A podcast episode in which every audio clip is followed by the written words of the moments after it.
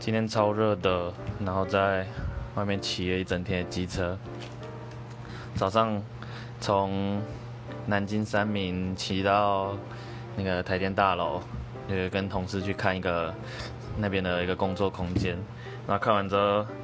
嗯，在附近的星巴克工作，然后工作到晚上。晚上我要骑车到那个景美，景美附近看一个电脑椅，因为我爸这件电脑椅坏了，然后现在坐一个很矮的椅子，我觉得看看他用电脑，我觉得有点，我自己看腰都很酸，所以我想买个电脑椅送给他。然后最后晚上再骑回现在住的地方，真晃神，我差点骑到公车专用道，有点恐怖了。